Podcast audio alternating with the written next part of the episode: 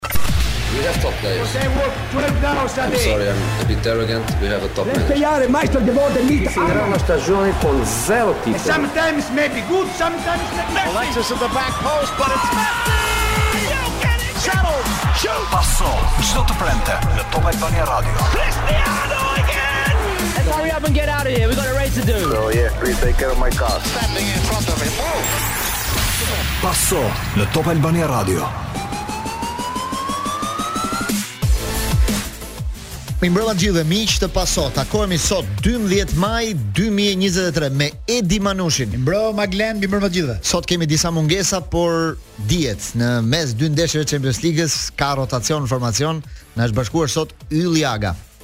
Përshëndetje, mirëmbrëma. Presim të na bashkohet edhe Gëzim Sinemati, më pas do kemi lidhje me Redi Jupin, uh, Lorenc Eminin që kemi dërguar për të parë një turne tenisi në Romë nga afër. Uh, Kloj nuk e do Lenci, por ne do ta fusim, nuk kemi ça t'i bëjmë. Kemi në lidhje direkt nga zona numër Tan Stoka. Çfarë numri është zona jote? Numri 2, Sauku. Numri 2, Sauku. Që fillon Këza zoja numër 32 që është këza zoja. Që fillon po dhe mbaron ku? Fillon tek mund tek tregu i shibje tek tregu i ri, pa po. te afër te pazari i ri le themi, po? dhe mbaron tek Thesar Farkës. Një zonë e gjerë, e gjitha e cila ka depozituar është, besim vetëm te ti Tani, si shpjegohet? Pazari, është pazari i ri, shkolla baletit, depo ujit, ambasada amerikane, Se po vëllëm e mbëlqirën Saukun. Edhe pazari ri ë, që ka zona e tifozave, tifozave të Tiranës. Stadiumin, harrum stadiumin e Robenja, kupton? Zoti Tani, po lexo mesazhin e fundit që ke marrë nga qytetarët direkt celular. Nxirr celularin dhe lexo mesazhin e fundit që sapo ka ardhur. Pa ikë celulari, mesazhi fundit që më ka nga qytetarët ka ardhur ta ta nuk din këta atë që janë mbrapa, thonë i çojmë mesazh automatik, që thonë se shikoj,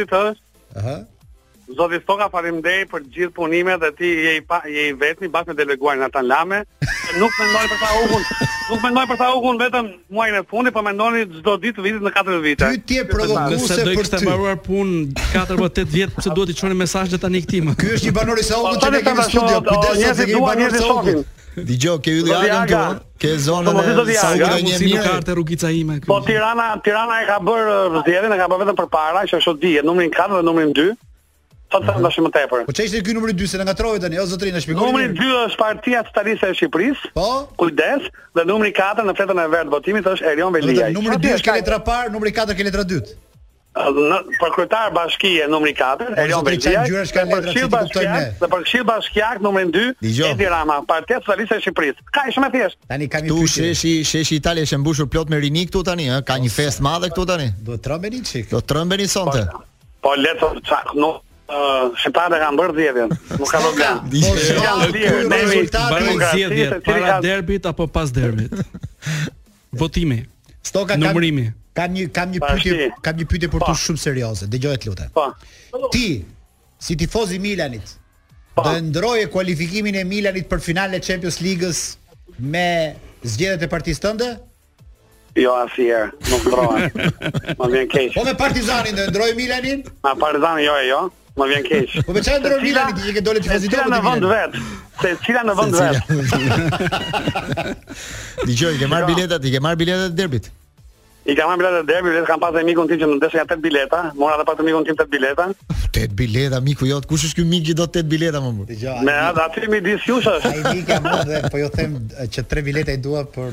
tre miqtë e mi, ekspertë tashmë këshilltarë që kam, po, oficerët.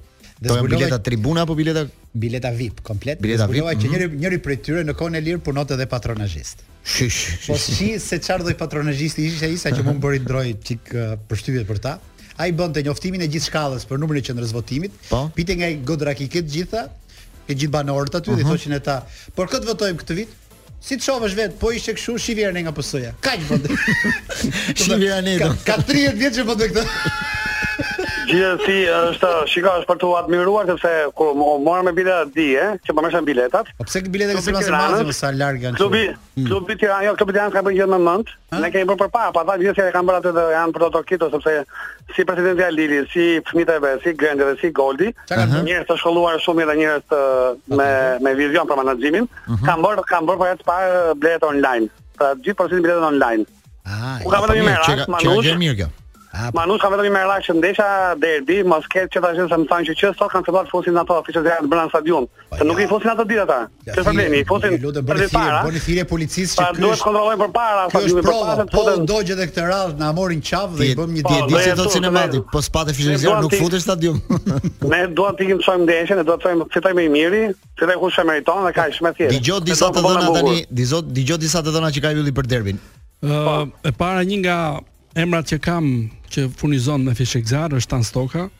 Shi shi shi shi shi. E dyta janë po, mbi 6000 po, bileta. Po kam dy as dyqan, as i gjokoj gjë vanta.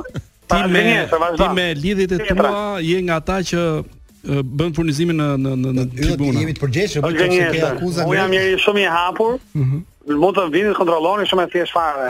I lëmë i lëmë shakat. Shaka, shaka. Po është uh, afro mbi 6000 bileta të shitura deri tani. 6000 bileta. Pjesa më e madhe, pjesa më jo sapo sapo komunikova, kam një mhm. informim nga uh, drejtuesit e që menaxhojnë shitjen e biletave dhe e sigurt që do të jetë sold out. Domethënë do jetë gjithë stadiumi plot. Sold out. Kam po. përshtypjen që po. Hera e fundit që unë sa mund të shkojë çmimi i gjithë fitimeve të Tiranës në këtë ndeshje. Uh, Pak a shumë. Shifër rekord, duke qenë se shifër rekord. Shifër rekord, duke qenë se rekordi është 5 uh, me 1-shi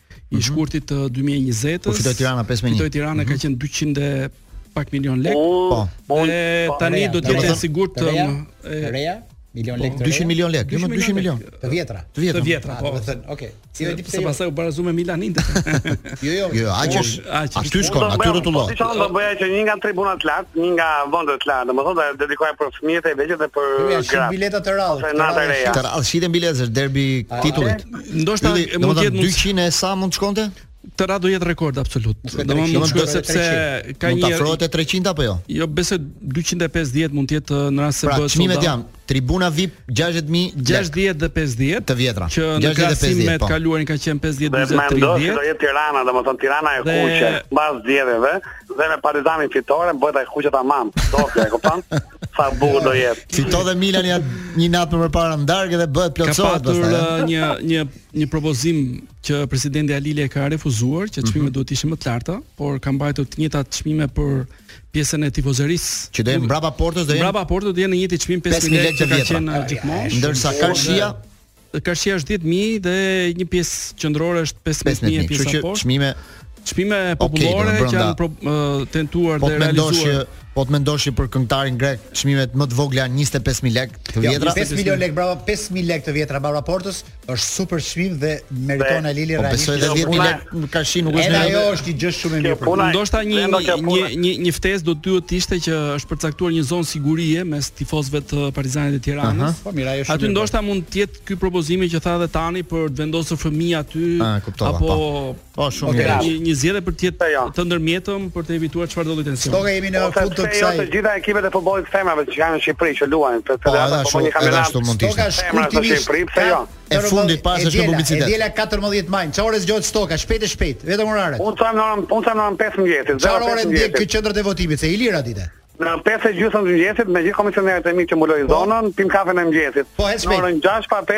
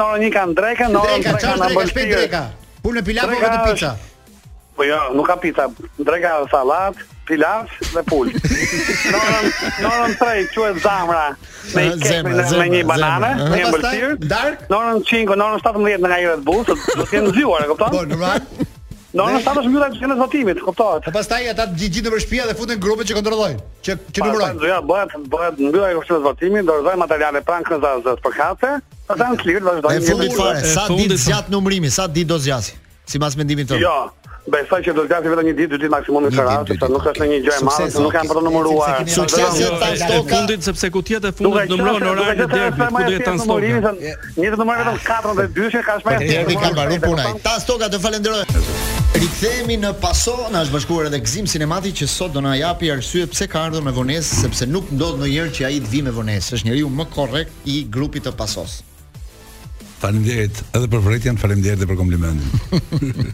Isha në Itali, Manush, të flas me shefin e madh fare, me Supremin. Patjetër. Në Itali, një dasëm u martua Jessica me Bartolon në Matera. në Matera. Jessica dhe Bartolo. Jessica dhe Bartolo, Jessica shqiptare, Bartolo italian. Aha. Uh -huh. Goca e shokut tonë. Mhm. Dasma ishte e veçantë fare, u bë në Matera, një nga qytetet më të vjetra në botë. E ke parasysh Matera që Matera është ato të bardha, ato gjëra. Jo Alberobello, që ka i trulli. Matera është e gurtë komplet. Ah, po po po po po. Me gurë, çdo gurë thonë ata ka po, historinë e vet. Po përballë, diku afër Leçes se këto histori. Jo, është Altamura, është poshtë jugu. Altamura, ku buka më e mirë në Itali është në Altamura, që shihte kokonati. Po, po, si ishte dasma italiane? Gravina dasma ishte spektakël manush, ai që gatuante në mes sallës, mm. ishte një lloj një biçim Leo Messi. Mos ja fut. Ka bërë spektakël Manush. Je kënaq. Aty e kuptova ë atë kuptimin e vërtetë të thënies që kuzhina është talent plus erëza. Pa po, pitë verë nga çezma. Çezma the Manush na doli nga koka. Mezi gjeta rrugën Manush. I thashë atij pilotit Air Albanias, mos më çon në stadium, jo thashë na thon gjotha. Nuk sa gjotha se kushuri Air Albania ti Air Albania ajo i thashë. Kjo është nga ato ikjet që ti i bën pa leje, por janë gjithmonë të justifikuara se ti na sjell një aromë Janë shumë të bukura Manush dasmat e atyre, se duke qenë kampionë të gatimit. nga shija në shije po, brenda, brenda në shije. e evitove se ta ka një një orë e gjysmë ceremoninë e kishës e evitove, se është paradite, para. E evitova pa dashje. Unë u nisa në orën 11 nga Tirana, ata në 11 filluan ceremoninë në kishë dje. Ai sa i zgjuar u tregua. Edhe sa i zgjuar. Se ti gjithsej se nga një. Sa i madh është. Si çfarë bëjnë ata? Ata të çojnë, ata kanë një traditë. Gratë vdesin për të shkuar në kishë, ne vetëm si jo, ta evitojmë. Jo, kanë një traditë ata, shumë bukur për dasma, po kishën unë s'e dija, të kishë të shkonin në kishë, edhe kishë Pa ngrënë gjithë ditën, rri atje 2 orë se zgjat ajo. Neve mezi prisnim, kështu që ti u tregove i zgjuar në evitimin e kishës. Gjithashtu, me ne do jetë dhe Arjan Peço, i cili po na ndjek nga Bazeli. Mirëmbrëma Peço. Mirëmbrëma, mirëmbrëma. Si e gjete ti Top Albania në Bazel? Na trego pak. Pra, thjesht me një aplikacion. Ëh, pra, pra, nëpërmjet aplikacionit jo, ti. Është, kjo është pyetje serioze. Çdo njeri mund ta ndjekë nga kudo. Sepse si njeri i inter, si njeri i interesuar që jam të dëgjoj lajme të mira sportive nga profesionistë, është e detyruar të ndjekësh Pasonën. Besoj e dëgjove atë menun e komisionerëve. Po, po, dëgjova, dëgjova. Gjë që ka që ka rënduar shumë në Itali. Vrarë, Peço, vrarë.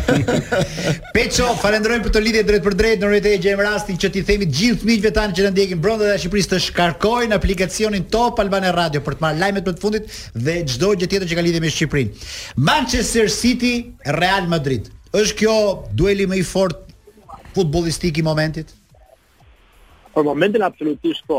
Dhe ndeshja e parë që u luajt në Madrid e tregoi që janë dy skuadra me nivel shumë të lartë, që janë dy ato ishin dy të afta dhe do ishin të luanin në finale, por fatkeqësisht s'do luajnë në finale.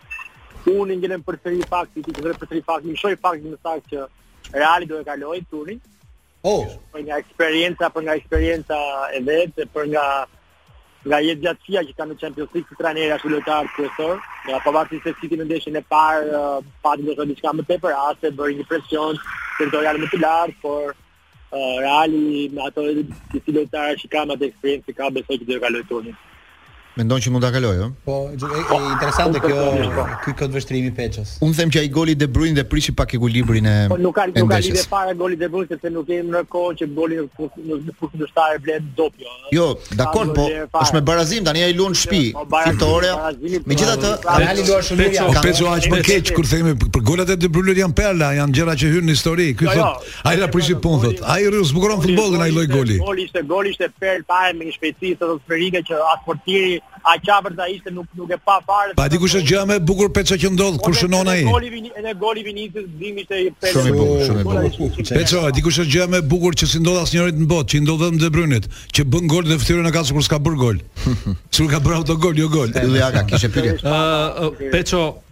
Në rast se Manchester City ka të gjithë statistikat në favor, luan edhe në shtëpi, pse paska Manchester Real Madrid më tepër shanse për kualifikim?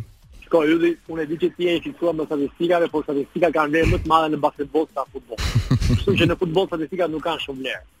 Kanë deri në një farë, është një farë mënyrë një tregon një një ecuri, por e kam thënë shpesh edhe në emision që jo gjithë gjithë kohës në futbol ekipi më i mirë fiton.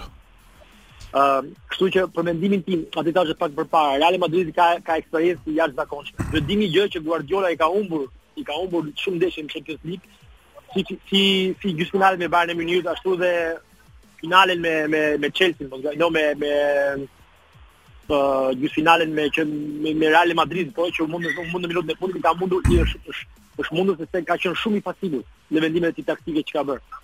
Mbase ka mësuar, ëh, mbas kaq kohë që nuk duhet ndryshoj gjithkohë sistemin në sekondën e fundit për të sepse nga nga frika e, e pa parë që ka për të fituar Champions League-un. Dhe, dhe këtë gjë nuk e ka Ancelotti. Ai ka një besim të jashtëzakonshëm në lojtarët e vet, te grupi i vet, ka lojtarë shumë të pjekur nga ana futbollistike si dhe nga ana njerëzore. Po them me një Benzema, Modric, Toni Kroos, Courtois, portieri, ka ka ekip Vinicius me dy të rinj, Vinicius, Rodrigo që janë lojtarë uh, për për mendimin tim e, e, e kompletojnë shumë mirë atë brez të të të, të vjetër në thonjëza lojtarësh, duke mos lënë përjashta pa dyshim atë City si ekip që ndoshta për momentin është ekipi më i kompletuar në Europë, por e thashë më parë që jo gjithë kohës ekipi më i mirë fiton në futboll. Po dëgjoj edhe një statistikë që Real Madridi është Skuadra e vetme që kur luan në një fushë kundërshtare ndihet më mirë se në fushën e vet. Domethënë atmosfera e stadiumit kundërshtar i jep një energji që i kthehet në pozitive, domethënë sa më shumë të ketë kundër, aq më shumë luan më mirë. Vjet ka fituar shumë jashtë. Jo. Ata kanë përjetuar aq shumë gjendje sa që kur shkojnë në stadiume krijon një perde të hekurt me spektatorë, nuk u intereson po, fare, pra, po. nuk ka lidhje fare ajo.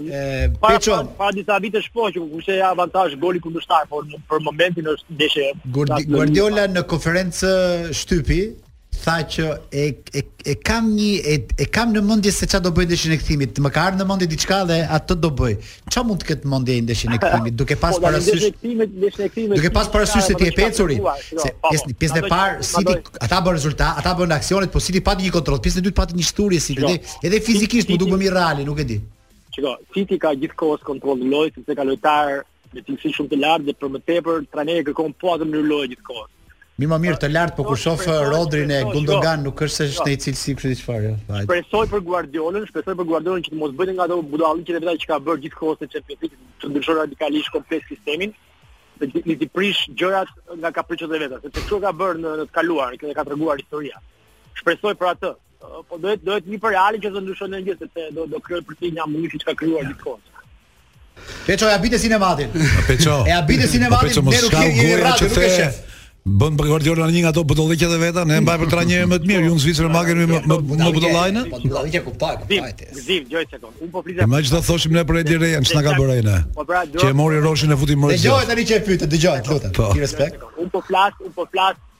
Guardiola është nga trajnerët më të mirë në botë, ndoshta nga më të mirë ndoshta. Por te turi në Champions League ka bërë budallëqe në thonjëza. Po, shpjegoja çik njerëzve. Ashtu dhe me, ashtu dhe me City.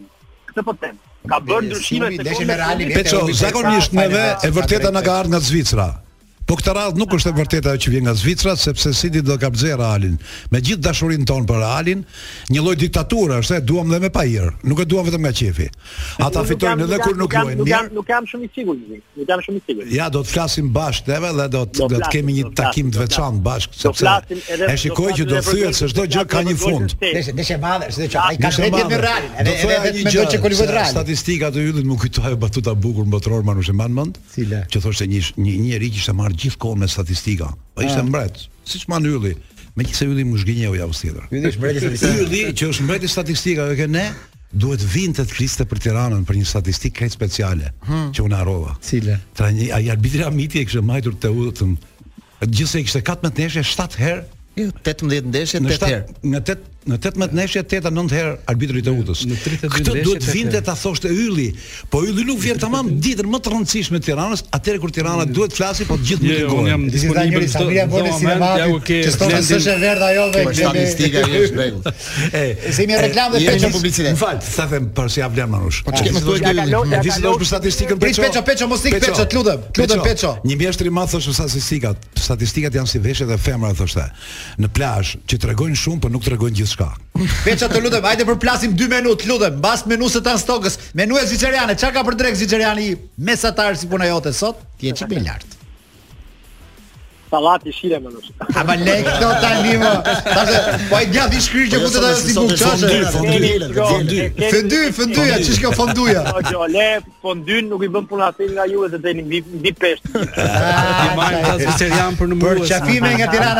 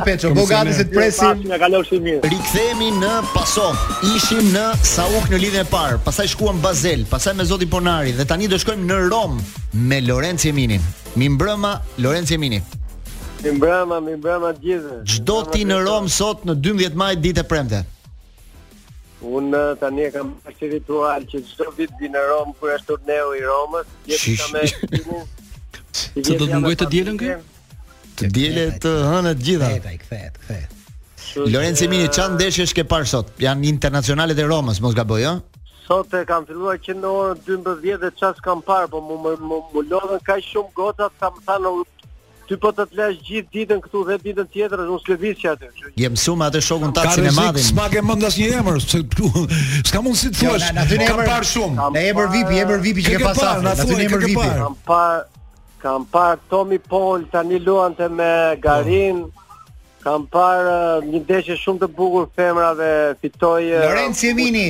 Stop dhe dëgjo me vëmendje. Në ndeshjen ah. Real Madrid Manchester City, ai top i mm. famshëm, doli jashtë apo s'doli jashtë dhe çfarë duhet bënte gjyqtari kryesor? Po, ai ka dal jashtë Edi. Mm -hmm. Gjyqtari kryesor nuk bën dot asnjë gjë, aty mund të bëjë gjë diçka vetëm asistenti, në qoftë se mund ta jepte në momentin që ka dalë dhe ta ta konstatonte që ka dalë sepse po të vazhdojë loja as VAR-i nuk ndërhyn. Pse s'ndërhyn VAR-i? Ai ishte pjesë e aksionit gol, pse s'ndërhyn? Nuk ndërhyn sepse VAR-i për vijën anësore, edhe për vijën fundore nuk ka sistemin o, siç e ka te goal line teknologji. Kjo ka dal Kjo ka dalë mbas ndeshjes kjo, ka dalë me, me, me, me format 3D, nuk e ka VAR-i atë si sistem. E kupton? Qartë. VAR-i nuk e ka të instaluar sistemin. Ta ndihmoj pak kemi. Patjetër. Ta ndihmoj pak kemi. Atëherë, se është pjesërisht i saktë. Është i saktë, por pjesërisht. Atëherë, videoja e topit që dilte jashtë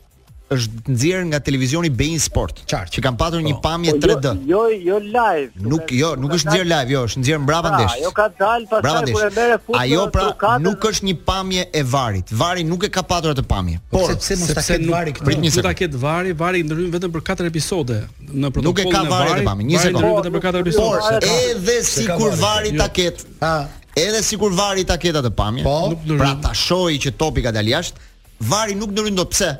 Po pra, edhe nëse topi del jashtë. Vazhdoi loja, topin e mori Kamavinga. Aty po, mbaroi anësorja. Dhe humbi topin Kamavinga, është loj, është aksion i dytë, quhet aksion i dytë. Spanjollët thonë Kamavinga nuk qenka shumë i saktë. Pra është aksioni i dytë sepse topin e humbet Kamavinga dhe që nga ai moment dal doli jashtë doli jashtë s'ka më rëndësi për VAR-in. Po mos të humbte Kamavinga, po, po mos të humbte Kamavinga. Aty pastaj VAR-i VAR-i nuk hyn që nuk hyn dot aty. Po atëherë ça? Po nuk mund të themi që ishte i parregullt goli apo i rregullt goli. Janë dy. Atëherë më dëgjo një sekond. Janë dy momente. Momenti i parë që po të them edhe mos e kishte thyer aksionin Kamavinga po, pra. përsëri nuk ndërhyn VAR-i. Po edhe në rastin e dytë kur e ka thyer këtu përsëri, ok, sikur, sepse është sikur ti e bën një faull dhe thyet aksioni dhe nuk ndërhyn VAR-i. Kjo është ideja. Po pra, domethën janë bërë disa pasime, Reali e mori topin, VAR-i nuk mund të ndërhyjë më. E kupton? Jo, është nuk ndërhyn. Vazhdon jo. loja. Tani edhe protestat po. nuk ishin për VAR-in, protestat ishin si ka mundsi nuk e pa arbitri që doli topi jashtë. Ajo është milimetrike, më, o Mister Aga, ajo është milimetrike, nuk e ka syri i njeriut, më ajo. Jo, Ancelotti e kishte me këtë, domethën edhe me sherrin me arbitrin e katërt. Në Spanjë kishin edhe me VAR-in. Pse na shërben po, VAR-i kur s'ndërhyn te gjë si kjo? Ç'është ky ky VAR me protokoll që ne na e ka dëmtuar këtë histori, sepse tani i fut një mendje tjetër arbitri se do të do të thotë VAR-i për gjërat dhe tani edhe unë jam dakord që kapi Kamavinga dhe ndoshta është vazhdimi i aksionit, ndodhi me sjerë. Ai ishte super gol i gjitha bash. Fillon merret me rivënie anësore. S'mbaron dëshirë. Jo, rivënie anësore që lidhet me golin vëlla.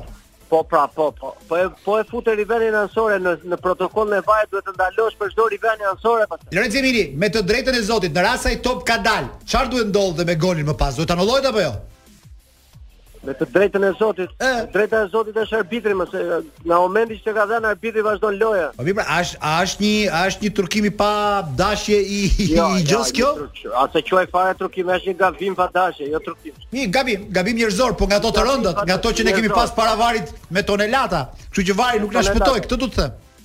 Ky nuk quhet fare gabim edhe. Po ka vetëm një në ndeshje, po ka vetëm një incident si ky. Nuk je nuk je fare në Se di, unë të dali topi jashtë fushës e quaj shumë të rëndësishme. Bota e quaj shumë shumë të rëndësishme që ti jemi shumë në shqiptar. Ka ndodhur gjëra të çuditshme dhe ti hiqe peshoren tënde për botën.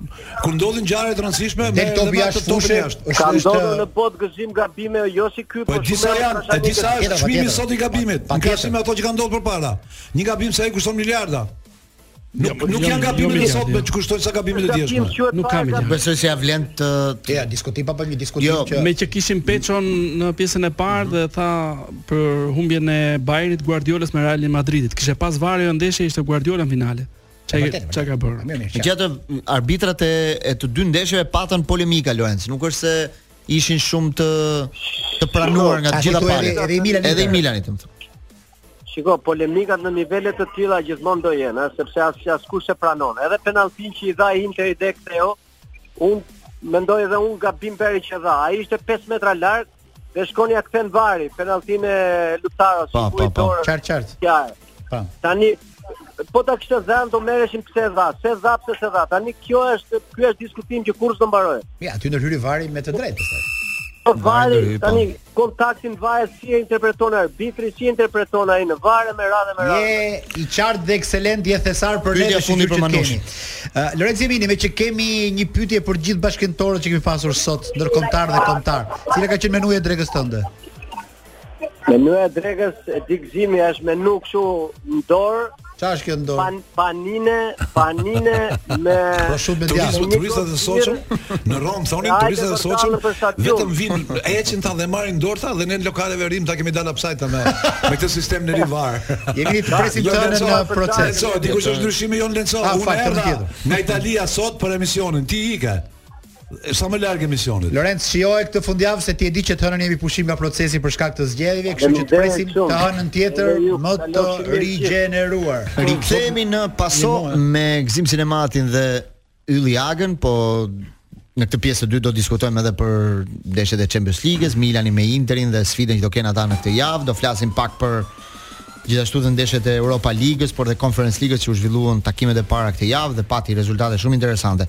Ndoshta ajo që lamë pa prekur pak ishte meqë kam Yllin derbi, afër ta pyes pak për Arsenalin se ka merak apo do të flasësh për derbin e tash kemi kohë kemi dhe jemi dhe një orë në transmetim kështu që po. kemi kohë dhe për Arsenalin e kësaj jave po, po. do të ndalesha pak te derbi si e pe ti Milan Inter Milan Inter. Mm. Them të vërtetën, domethënë pasi ke pa Sitin me me Realin dhe shikoj Milan Inter e kuptohet, domethënë pasqyrë e vërtetë e disniveleve të futbollit.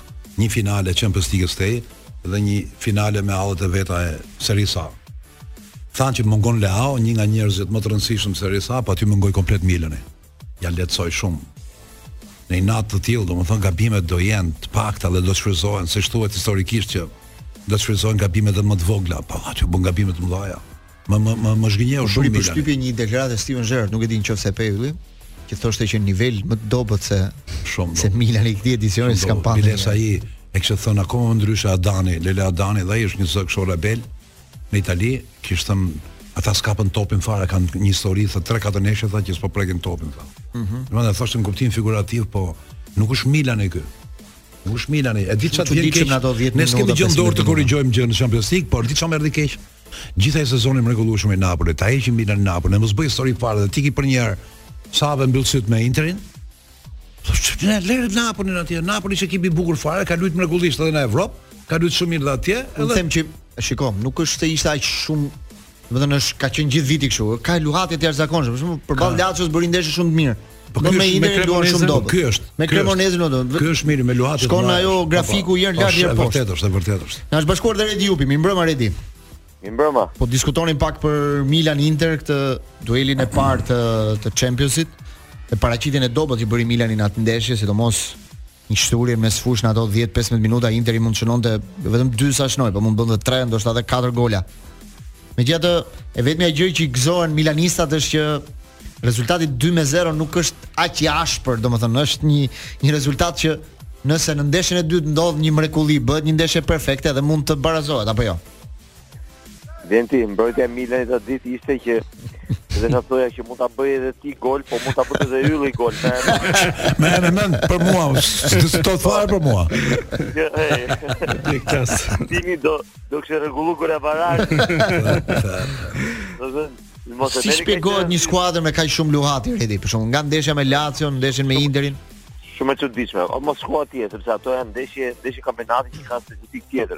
-hmm. Por në ndeshjet direkte me Napolin, me Napolin për shembull që ishte në Champions, mm -hmm. se kështu duhet luajtur dhe kjo.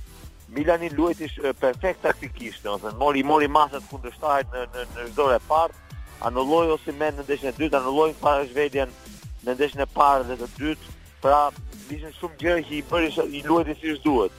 Dhe të gabosh në këtë nivel, të, të gabosh në gjysmëfinale, ta luash kaq keq domethënë, është domethënë tregon që nuk e meriton që të që të kesh. Megjithatë Milani ka shanse sepse Interi nuk e vrau ndeshjen. Dhe mbase ky është gabimi më i madh që ka bërë Interi në në atë ndeshje. Luajti shumë mirë ndeshjen, por nuk do ta prish. Se nuk mund ta gjejë dot më Milanin në në këtë në këtë në këtë gjendje.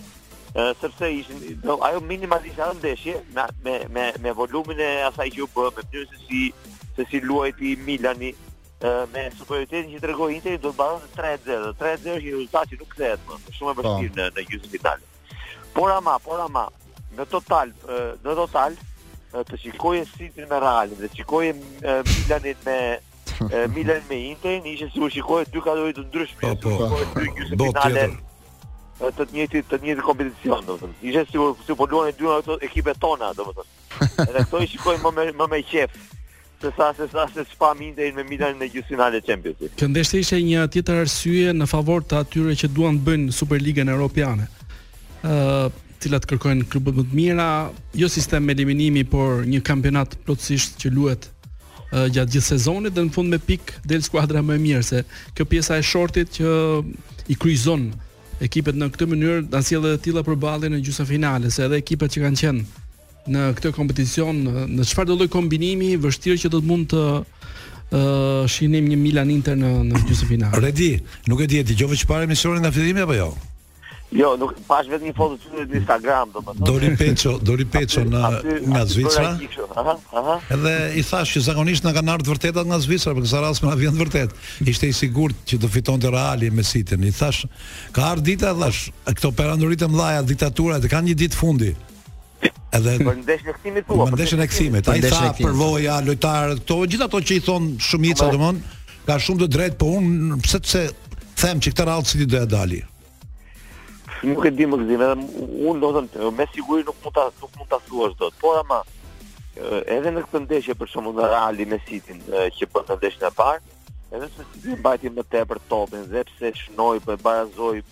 Po un sa e kap topin Reali mua më dukej shumë i rrezikshëm se sa se sa po, ku ai gjatë sa e mbajti topin dhe sa do sa do e mbajë topin City në, në atë ndeshje. Po ato daljet në sulm në, në sulm të Realit janë për manual të Po manual janë rrallë se shumë janë. Se si se si se si dilet me shpejtësi dhe me cilësi në sulm, se si dilet shpejt në sulm. Dhe ata e kanë cilësinë brenda. Unë mendoja se për shkak se Vinicius nuk ishte në formën e tij më të mirë, Apo kujdes të shpara apo Rodrigo, ndërkohë që ata treguan që janë në gjendje të mirë dhe janë në gjendje optimale. Kështu që në po ju la, po ju la, domethënë, po ju la rastësisë, e fiton Reali, kurse nëse po, e po, nëse City e kthen ndeshjen racionale, në ndeshje të mbyllur, po themi në ndeshje në të cilën nuk do të ketë gabime, Vetëm ashtu mund ta fitojë City, pra duhet të bëjë një ndeshje perfekte, kurse nëse ndeshja bëhet si pa logjikë, po themi që humbet ajo, bëhet emocionale, bëhet me ndryshime frontesh etj etj. Ashtu më shumë më shumë mundësi ka ka Reali për të për të për ta fituar. Po gjithsesi, është e vërtetë ajo që thoni ju që më afër është City. O Redi do të thoya diçka tjetër. Ato golat ishin domethënë reklama më e madhe për cilësinë e goditjes. si Vinicius si De Bruyne. Shumë, shumë të bukur. Në nivelin e një ndeshje të madhe u bënë gola shumë cilësorë. Gola të jashtëzakonshëm. Uh, mua më pëlqyen, më pëlqyen shumë gjëra në atë ndeshje. Për shembull, gjendja shumë e mirë e Vinicius, në një ndeshje fan fantastike Camavingës. Uh, oh, Camavinga. Goli i De Bruyne. Ka shumë gjëra brenda, të shikosh Modriç në këtë moshë nuk humb asnjë top, domethënë çdo gjë e ka cilësore. shumë shumë gjëra, shumë gjëra nivel shumë i lartë futbolli. Dhe nga ana tjetër luan Milani me me Interi, domethënë, e kupton se se, se sa i padrejtë është futbolli dhe kthehemi te ajo ç'thotë Ylli te Superliga. Ylli, po të siguroj që çdo gjë që është jashtë duarve të Çeferinit apo të Infantinos do ishte gjë e mirë. Unë nuk është se e kam shumë idenë se çfarë do bëhet me Superligën. Unë e kam, ore, e kupton, po dua ta dua ta zumoj pak diskutimin. por ama çdo gjë që del jashtë kthetrave të këtyre, domethënë, është një gjë e mirë që bëhet. Ore sikur t'i t'i t'i, t'i shembet pak monopoli. T'i thyhet monopoli këtyre. Në, në sepse këta duke duke krijuar këto monopole të frikshme dhe dhe dhe dhe, dhe, dhe, dhe po themi dhe, dhe të njëanshme, në na bëjnë që bëjnë që pastaj që të të na bjerë cilësia e asaj që neve duam të shikojmë. Ça shorti ishte ky? Po mua s'ma mbush njeri mendjen, sepse një short, ose një, një kompeticion, duhet që skuadrat më të mira të, të ndeshen në fund. Ashtu është. Ç'është kjo, u ndeshën gjithë skuadrat e mira, u ndeshën të... Kush, si, si, si, si, si ta... Domethënë, si, mos, si mund mos ta paragjykoj unë këtë kompeticion? Po si mund ta ndajmë ne more Redi kush janë më të mirat?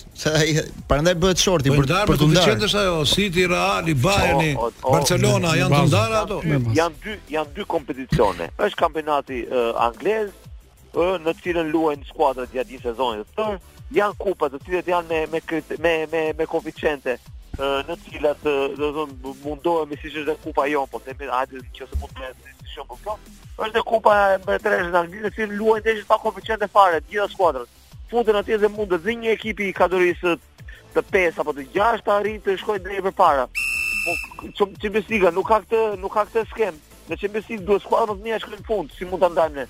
Që s'e ndan dot që Bayerni me City. Po kanë ndarë ta vite më parë këtë punë. I linin, nuk i linin të përplaseshin, vetëm në vendin finale. Se po të ishte kjo skemë dhe përpara, këto do s'do kishin dalë gjithmonë në finale ekipet më të mira. Po. Do thyenin kokën me njëra tjetrën. O Redi do të të tregoj një anekdotë të bukur. Sepse kemi publicitet, e fundit. Ja, për e fundit një anekdotë të bukur që e mësova sot në avion. Një miku jonë ia tregova edhe Glendit dhe. Në avion e të buri dhe, keni në avion. Ja, po shpejt. E di ku e ula avionin, mu në Air Albania se kisha pason. Nuk jam si ju që largoj. Vazhdo, hajde se. Gjetë edhe po, besoj e ule, ha. I thashë, ule këtu i thashë ti ke emrin e ke kushëri thashë, Albania ti, Albania ai, ston gjosa, ule në fushë. Edhe Redi, një shoku jonë kishte bërë 40 udhëtime nga Kanadaja për në Tiranë. Edhe tha kam 40 herë që udhëtoj tha me Lufthansën, tha, sa më njeh dhe piloti tha, Hanci tha. Më njeh Hanci dhe më tha tha atë ditë tha, o Max, nga do t'i biem kësaj radhe.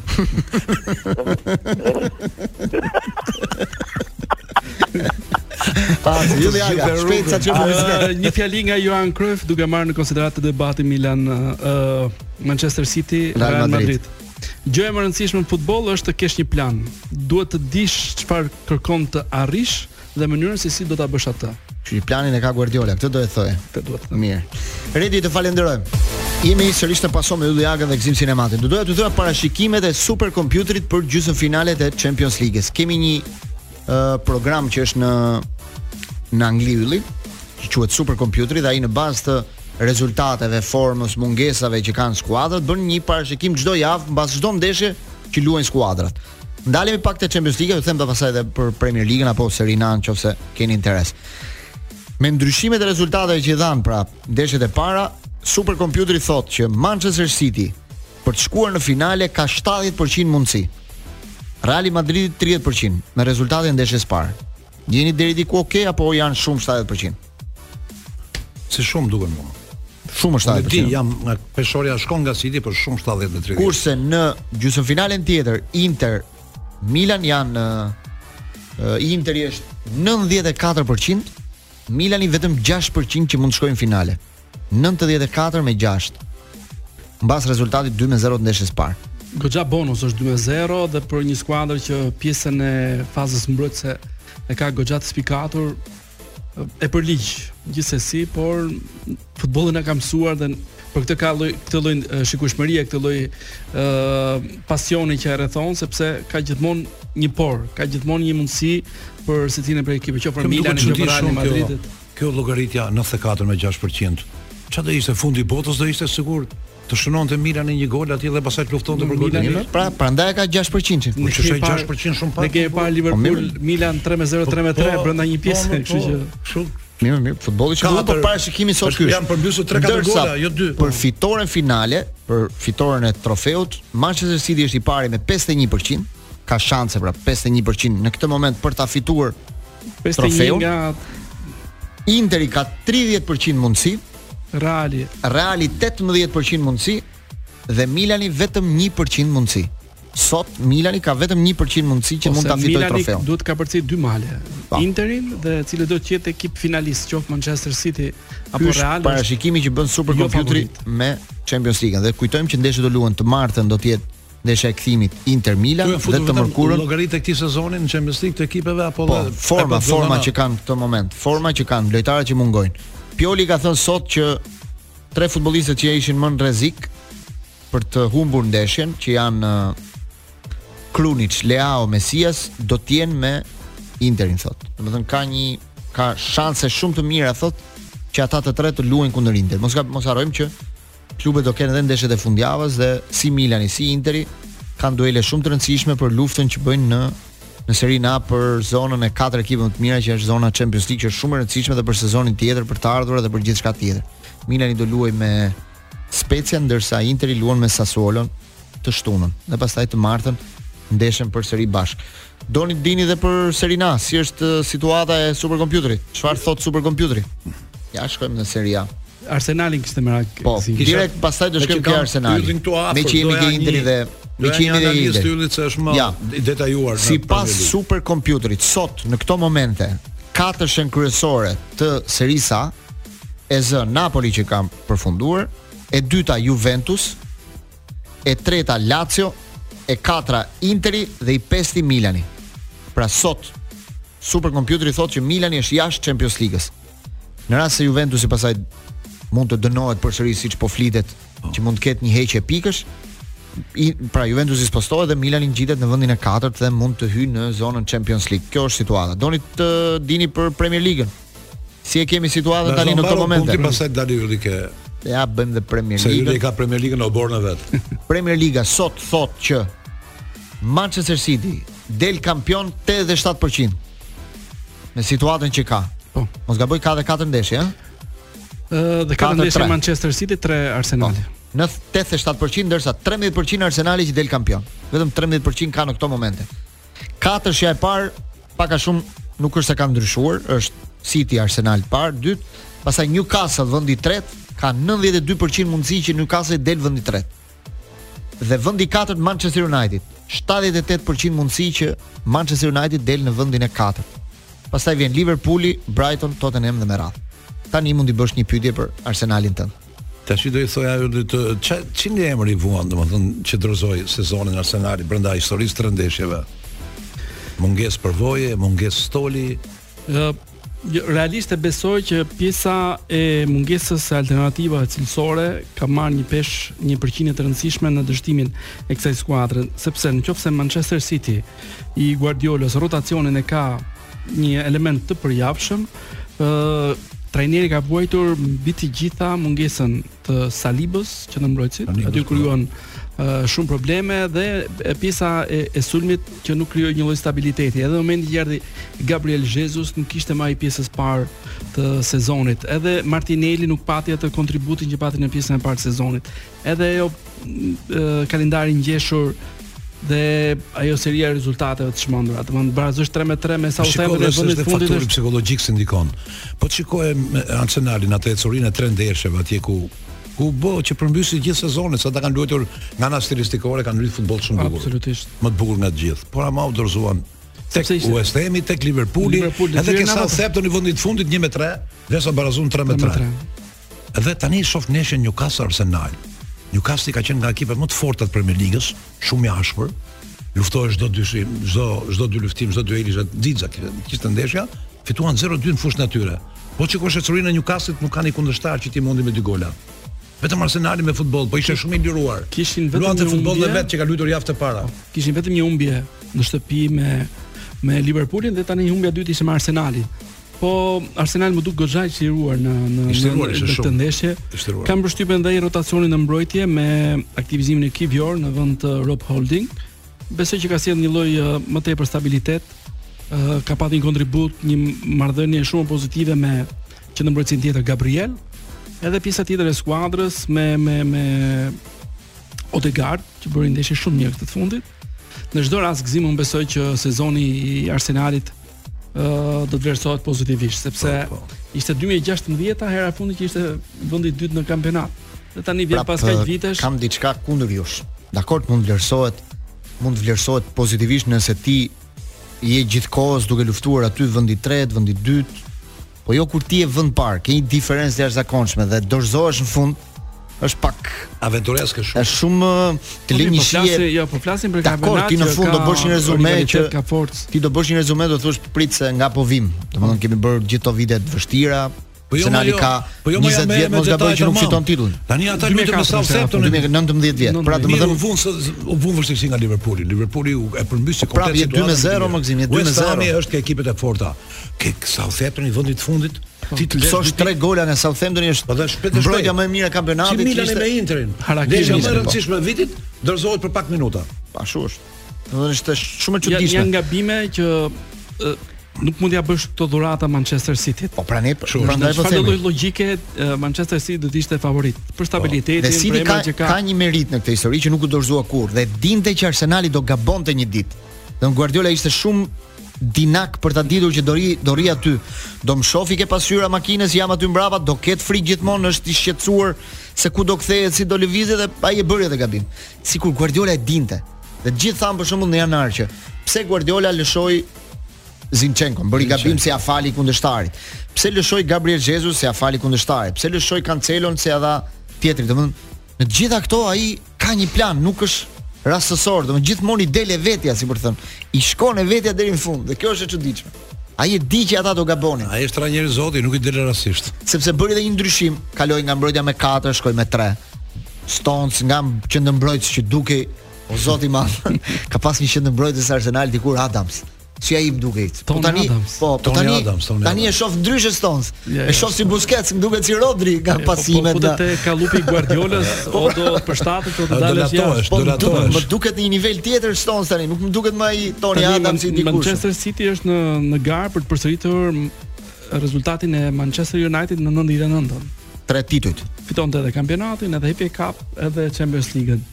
Edhe këta besoj me kampionatin. Kampionatin besoj që ka më të sigurtin. Besoj është i arritur. Tani është ata këtë javë. Manchester City këtë javë luan me Evertonin. Me Everton, Everton Man City është ah. është jashtë, edhe Everton luan për mbietesë. Kështu që edhe mund të ketë një shans. Edhe një vëmendje është. Mund të ketë një shans Arsenali si mendon. Sa duhet gabojë City? Duhet gabojë një ndeshje?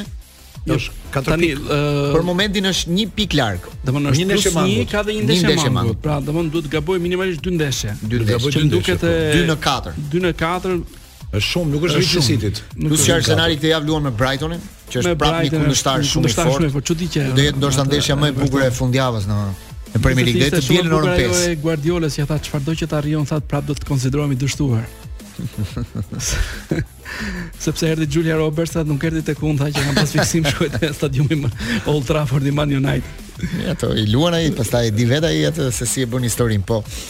Shumë interesant. Edhe gara për për Championsin, për zonën Champions është e bukur në Premier League, po si mendon, mund të ketë ndonjë shans Liverpooli, edhe pse super uh, super kompjuter thotë jo. Është çuditërisht në momentin më të mirë të sezonit, janë 6 fitore radhazi që nuk i bën asnjëherë Duket se skuadra ka fituar një lloj stabiliteti, duket se i është gjendur një vend i ri Alexander Arnold që po e fitojnë në mesfushë. Ë uh, me formën që kanë, nuk është se kanë uh, kundërshtar uh, të, të rrezikshëm. Kalendarin tani në tre ndeshje që kanë mbetur e ka të pranueshëm. E ka të pranueshëm dhe do ketë edhe një favor nëse del me pikë të barabarta me të dy ekipet, sepse në Angli vlen vetëm gol avarazhi, jo ndeshje direkte. Golavrazhin e ka pozitiv. E ka pozitiv uh, golavrazhin me ka, me, me Man United 25 gola plus. Po, domethënë është në krahasim me Man United, po Manchester United ka një ndeshje më shumë. Ka një pikë më shumë dhe një ndeshje më shumë. Po. Po nuk është në momentin e vet më të mirë. Don, kjo është ajo që e penalizon. Vetëm një gjë që Edhe do të mund ta mbajë edhe Në javë alternativa për Manchester United luan me Wolverhampton, sa Liverpooli për shtypja që the pa Alexander Arnold. Imagjino, lojtar i klasit kla, botëror, tani ta sistemosh në mesfush. Sa i dukej, domethënë gjithmonë kur vinte puna ke Liverpooli që ishte në qendër të kritikës, pa ardhur këto gjashtë ndeshjet e parajsës, ishte në qendër të kritikës sepse ai nuk merrte detyrat mbrojtëse që përgjin. Ai ishte delja e zezë e Liverpoolit. Po, ai një dhe Van Dijk të dy janë kritikuar goxha nga këta ekspertët e Anglisë. Sepse ishte një nga pikat më të forta në fazën mbrojtëse, Alexander Arnold është një gjetje me vonesë për një trajner të standardit. E çliron nga ato E çliron nga detyra mbrojtje, nga pesha e rëndë. Do vazhdojmë diskutimin për futbollin europian, edhe për Europa Ligën, por edhe për kampionatin shqiptar që luan ndeshje ditën e mërkurë. Dhe Malida Iskun dhe rubrikën Je i lashtë o Manush, rikthehemi në këtë pjesë të dytë të Pasos Njerëzit e agimeve quhet kënga. Një këngë fituse e viteve 80 e festivalit Është e porositur apo është gjetje e Klodit? Është gjetje e gjithë grupit të Pasos. Është shumë e bukur kënga. Nuk e di që si e di. Ne orën, orën është më i ri se ne, Në orën 19:30 e kemi orën e rubrikës Je i lashtë o Manush ku fusim gjithmonë këngë të vjetra të festivaleve të tjera, sidomos para viteve 90. Ajo që the më parë është një e vërtetë e madhe, është tamam sikur flasim për futbollin, flitet edhe për muzikën. Që muzika e viteve 80 ka lënë gjurmë më të mëdha. Ka qenë më e bukur muzika. Edhe futbolli dhe muzika. Edhe muzika e bërë vitet e 80 ishin e bërë nga muzikantë që kishin skamjes për vitet e prodhimit. E kishin për shembull Gim Krajka ka kanë bërë muzikë me ritëm të bukur shumë. Edhe janë janë këngë që i dëgjon sot edhe sikur anë nallën. Ja, jo, unë e pëlqej shumë sepse në çdo rast ka qenë puna e dikujt, ka qenë sakrifica e dikujt, zëri i dikujt. që ishin të detyruar të, të jetonin në atë inkubator dhe ka një vlerësim dhe një nostalgji të të, të pafundme, ashtu siç jam tmerrësisht i dëshpëruar që nuk është marrë asnjëherë në konsideratë tre kampionatet e viteve të luftës, do të duhet një. Na ktheu në vitet e para luftës. Doli ti. Sepse Zidja. sepse ishte rinia e tyre që luajtën në në Shqipërinë 1939, 1942 Vetëm dy çeta partizane ka patur. Sot ti apo s'u futka. Ne ne se të kenë që ne që gabuar. Dgjoj, Blendi. Cilat vite bëhet fjalë? 1939 aty që nuk e di. 1942 janë luajtur tre kampionate. Tre kampionate. Janë të njëjtat emra që kanë luajtur edhe në kampionatet po e viteve 30. Pse nuk njihen? Sepse Shqipëria nuk i njeh. Atëherë, Federata Shqiptare e Futbollit nuk, nuk e mori përsipër uh -huh. të njohë këto po kampionate sepse i druhej i druhej një lloj reagimi që kanë qenë pjesë e Shqipërisë nën pushtim. Domethënë, por pushtuesi ka mbështetur ekipin që ka fituar. Por pushtuesit e njihnin Shqipërinë si territor. Uh -huh. Kishin qeverinë, qeverinë që ishte në po. në atë po. periudhë. Italian. Qeveria po. zhvillonte gjithë jetën ë Çfarë kampionate sa vite thua ti? 1939, 40 dhe 42. Po. 1942 ishte edhe kampionat mbarëkombëtar. Pse mbarëkombëtar? Ka pasur ndonjë skuadër? Ishin tre tre skuadra të Kosovës, Kosovës. që kanë marrë pjesë në atë kampionat. sepse kufiri në atë periudhë shkoi deri aty ku duhet ishte. Po. Dhe kjo periudhë nuk merret. Ku kemi sa, lojtar? Sa ka sa skuadra ka patur kampionati në atë kohë? Ka qenë formula të, të njëjta pothuajse si kampionatet e viteve 30, ë kampionati i 42-shit duhet të jetë me 10 ekipe me 10 deri 12 po, ekipe. Cili është argumenti tani që nuk Argumenti sepse Shqipëria ka qenë e pushtuar. Shqipëria ishte uh mhm. -huh. që kishte mbretin italian, por Shqipërisë po. nuk i është hequr asnjë ditë pavarësia. Shqipëria feston, festoi 110 vjetorin e pavarësisë, nuk festoi 110 heqim 5 vite të pushtimit. Domethënë janë ulur ndonjëherë për ta diskutuar këtë çështje ja, dhe kanë marrë vendim që do të njohin kurrë. Janë bërë para 10 vitesh, mm. u ngrit një komision për ti për ta ndjekur si çështje dhe në fund ngeli një një propozim që kjo duhet të kalojë në ministri, ta marrin ata ta shqyrtojnë, ajo dosje kushedi ku ka përfunduar tani. Po ka gjëra të bukura sepse janë lojtarë që luajtën kanë dalë kampion në 1930 me ekip. Tre vitet i fitoi Tirana, jo, dy Tirana, një Vllaznia. Një Vllaznia. Dy Vllaznia. Në kampionatin e Vllaznisë ka luajtur Loro Boriçi. Loro Boriçi po. Para se të shkonte në Para se të shkonte në Lazio po. Te Tirana kanë luajtur lojtarë të cilët Preziu dhe këta Jo, ata ikën ikën ikën më shpejt. Ikën shpejt në në Itali, mm -hmm. po janë lojtarë që kanë luajtur në atë periudhë dhe vijuan të luanin edhe pas vite ë pas çlirimit. Pas çlirimit, po. Besim Fagu ka luajtur me Tiranën që ka po. dalë kampion dhe pastaj u bë një nga emrat më të famshëm të, të Partizanit. Pra, duhet pas respekt për rininë e atyre, për ditët që ata jetuan në në pushtim. Qoftë janë dokumentat, bibliotekë që besoj ose në arkivin e shtetit, pa diskutim. Janë të njëjtat dokumenta që janë për kampionatet e viteve 30. që janë njohur dhe i është dhënë mm -hmm. ekipeve fituese, 6 Tiranës, 1 Skënderbeu. Sa tituj ka Tirana tani? 29. Tirana ka 26, 26. Dhe prandaj tifozët e Tiranës insistojnë, ky është i 30-ti, uh -huh. sepse duan dy kampionatet e viteve të luftës dhe kampionati i 1967-s, që është po. i pamundur për t'u kthyer se aty ka patur 67-s. Vendim disipline që i përjashtoi ekipet dhe atë nuk mund ta zhbësh. Po. Ai po. Ai kurse këto të tjerat janë realisht do të ishte një gjë shumë e bukur që familjarëve të atyre kampionëve t'i çohet një medalje, t'i dorëzohet një trofe. Kjo është historia jonë, siç është historia e këngëve që përmendëm, kjo është historia e e, e futbollit shqiptar, e Shqipërisë. Po, po. Kthehemi pak te hallet tona tani. Hallet tona. java e 33 e kampionatit, Ylli, kanë ngelur dhe 4 ndeshje, ëh? Po. Mos gaboj 4 ndeshje, pra 33-shi që do luhet ditën e mërkurë, do jenë të gjitha të mërkurë. 4 ndeshje në orën 15 dhe derbi në 18. Dhe derbi në orën 18:30. Pra ndeshjet do jenë Kuksi Laçi, Erzeni Bylis, Vllaznia Teuta dhe Kastrioti Egnatia, ndërsa në orën 18:30 pra në stadiumin Air Albania Tirana Partizani. Policia sot ka bërë dhe një njoftim për rrugët që për rrugët që do mbyllen atë ditë. Njoftim i zakonshëm, njoftimi i masave që nga duhet nga duhet kalojnë tifozët. Po këtë radhë është pak më e thjeshtë sepse është Tirana organizatore, tifozat kanë përgjithësisht atë rrugën e tyre që ndjekin edhe për Partizanin është më e thjeshtë. Partizani merr një tribunë të tërë mbrapa portës si është Partizani si ka tribunën ku jemi ne aktualisht. Mbrapa portës. Tribuna Vasil Laçi, pjesa po. e Orës. Domethënë të gjithë tribunën. të gjithë tribunën nuk nuk ndiqet ajo 5% që me jo, jo, nuk është nuk është Partizani, nuk është respektuar asnjë, merr një tribunë. Edhe Partizani kur ka organizuar ndeshjet, po. Ka ndjekur të njëjtën procedurë. Si, siç ndodh në derbin e Milanos që kur luajnë të dy skuadrat, po, një tribunë i takon. Një tribunë është aty sepse kjo është pjesa e bukurisë së kësaj përballjeje, derbit të të qytetit. Ku ka ende objektiva për të luajtur në kampionat? Ku ka ende objektiva në garë? ndeshjet e kupës i vunë zjarrin objektivave që kanë mbetur në këtë pjesë kampionati, sepse sepse çifti Tirana Egnatia pothuajse ndan zonën europiane që janë pothuajse me bileta në dorë Tirana Partizani Egnatia. Uh mhm. -huh. Tirana Partizani do të bëjnë këtë finale për titullin kampion.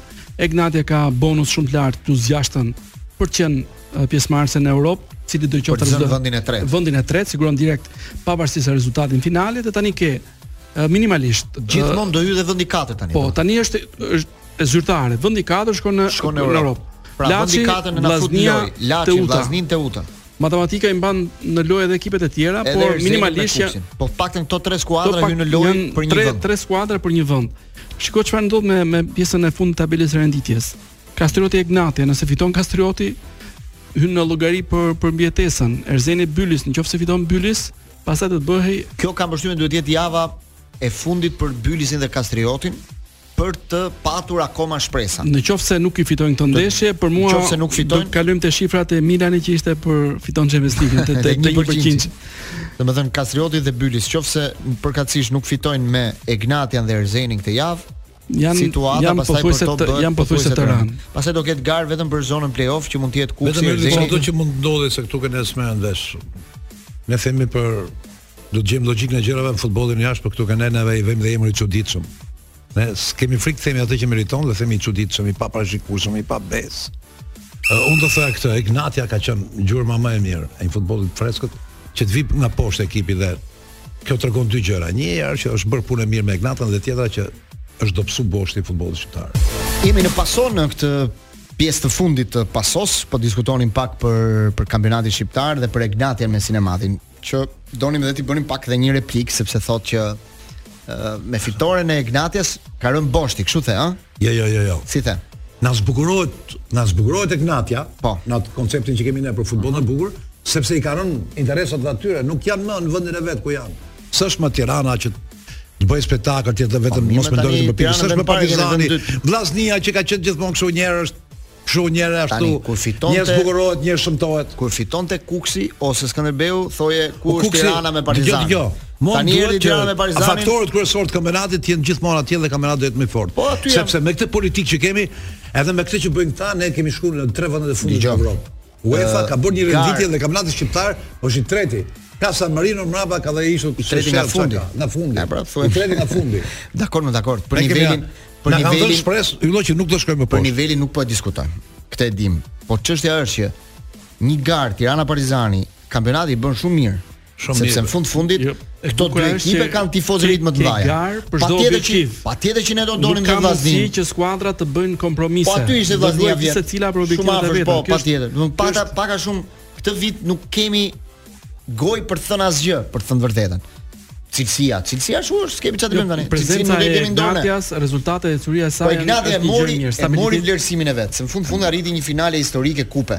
Jo, nuk është thënë, nuk nisëm nga tre sezone, në tre sezone nga mënyra se si ka luajtur futboll. Nga mënyra. Po pra po, po mori e mori një si të një ekip tjetër, ylli një ekip debutues, ta dënosh ti dhe stadiumin, t'i dënosh dhe publikun, e të vazhdojë të luajë në fushë kundërshtare sikur në fushë të vet, nuk ndodh shpesh kjo.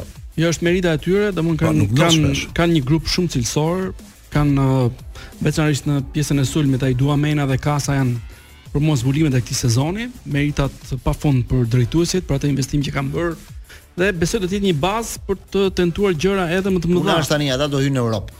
Dhe këtu kemi gjithmonë fillojnë problemet tona, që fillojnë skuadrat dobësohen po, gjatë po, qershorit. Po, a e ruajnë dot grupin jo, që do të kenë dhe si jo, do. Jo, në informacionin që kam. Po gjithmonë kështu themi, edhe jo, jo, vjet, e pe se çfarë jo, ndodhi vjet. Jo, jo. Tani informacion. Gjysma e lojtarëve ikën. Tani Egnatia ka pothuajse të gjithë lojtarët në kontratë. Uh mhm. -huh. Edhe për sezonin tjetër. Aty do të largohen vetëm lojtarët që do duan drejtuesit e klubit largohen. Në qoftë pra, se jo vjen një ofertë. Këto kasa po në qoftë se vjen një ofertë siç erdhi Tiranës për për Xhixhën apo Partizanit për Skukën, është e pamundur ta mbash. Ti jep 6000 euro në muaj, Xhixha merr 30000 euro në muaj atje, është e pamundur ta mbash një lojtar në në në këtë mënyrë. Ai do të ikë ku ta gjesh, gjesh lojtar të tjerë për të kompensuar, të shesësh, edhe po, duhet të vazhdosh një lloj çështje. E fikin atë çelësin nga mbyllja e sezonit te fillimi i sezonit. Për shembull, Unë shpeshherë kam qejf që për mua Kupat e Europës të quhen vazhdimi i këtij po, kampionati dhe jo fillimi i edicionit të ri. Ai është futboll logjik që të vazhdojë të ketë një. Egnatia, Egnatia kam përshtypje që do të jetë e tillë. Edhe Partizani pjesën e lojtarëve ka me kontrata afatgjata. Edhe Tirana janë vetëm tre lojtarë të formacionit të cilët janë pa kontratë, po bën tratativa për t'i për t'i rinovuar dhe klubet janë duke punuar në këtë element, se ata nuk janë të çmendur të të humbasin lojtarët me 2 minuta të fundit tani bëj pak parashikimet për derbin. Hajde. Tirana me mungesa, por me 2 pikë më shumë, me stadiumin me vete, mandaj pak përqindje, bëu një super kompjuter tani. Tani ë uh, Tirana ka ka jo. dy rezultate në dispozicion, ëh, mos harrojmë. Do të jetë ndeshja numër 197. 197 në historinë e derbeve. E derbeve. Rezultati më i mm -hmm. më i përsëritur 2 me 2. 2 me 2. Do ishte ideal për një mbrëmje si Theo. E 197 do t'i bësh tifozët me zemër domethënë 2 me 2. Se çfarë do të njëri do dalë në avantazh, pastaj do barazojë. Po të paktën të jenë 2 e 2, t'i bëjnë golat vetë ekipet, mos i bëjnë tjerët, ishalla dalin 2 e 2. Ja, se vështirë është pa pilotim te kjo ndeshje. Të mos kjo, të mos ketë rrëmuja. Yllo, di pse yllo? Mos thuaj kështu gjëra yllo, se duhet jemi një çik më korrekt për ata që na dëgjojnë. Tirana s'u nga fara gjithë sezonin nga arbitrat. Brenda një ndeshje i ndodhën që e gjujtën me snajper aty ku ishte ku i dhimbte. Aty ku i dhimbte, ke tre lojtarë që i dhimbte aty. Po e pati pa pa fajin e vet. E pati fajin e vet. Si tha njëri Beraçes godite kundërshtarin. Dëgjo. Vjen tani një arbitër që s'ka dënuar njeri në jetë të vet për simulim dhe dënosh Hasanin, që është një nga figurat më interesante të sezonit, nuk është as i bezdisur për për arbitrat. Nuk nuk nuk më duket një një gjë korrekte. Kanë kishte kërkuar prezencë në stadium një numër i konsiderueshëm menaxherësh, që në fokus kishin uh, Hasanin. Dhe një nga figurat më interesante të sezonit. Por lexova që para të të Johan Cruyff erdhe, mhm. erdhe. Edhe Tirana duhet ta kishte një plan për ndeshjen. Ishte pa plan fare. M'u duk se ishte pa plan. Si është Tirana, është gati. Po, që mund gati, gati. edhe për derbi nga, nga, nga rruga të mbledhësh të dy ekipet janë okay. cilët do që të jenë në, në, në fushë. Unë ju falenderoj të dyve sot, erdhëm në fund të pasos për këtë javë Të kaloni një fundjavë të bukur ka çuar, me shi dhe me vota. Na ka çuar Lion Xhemini një foto që ka bërë në Romë me trajnerin e Federerit. Me Ljubicic. Ljubicic. Po. Dhe më thotë mua kam dalë me këtë legjendën, bën mirë të dalësh me familjen. Me familjen kam plot tha, po ky është legjendë. Legjendë je vetë thashë. Po s'po diskutohet, jam legjendë. Takohemi në Pasov, fundjavën tjetër ku do kemi shumë diskutime, derbi, Champions League dhe gjithçka tjetër. Mirudëgjofshim deri atëherë.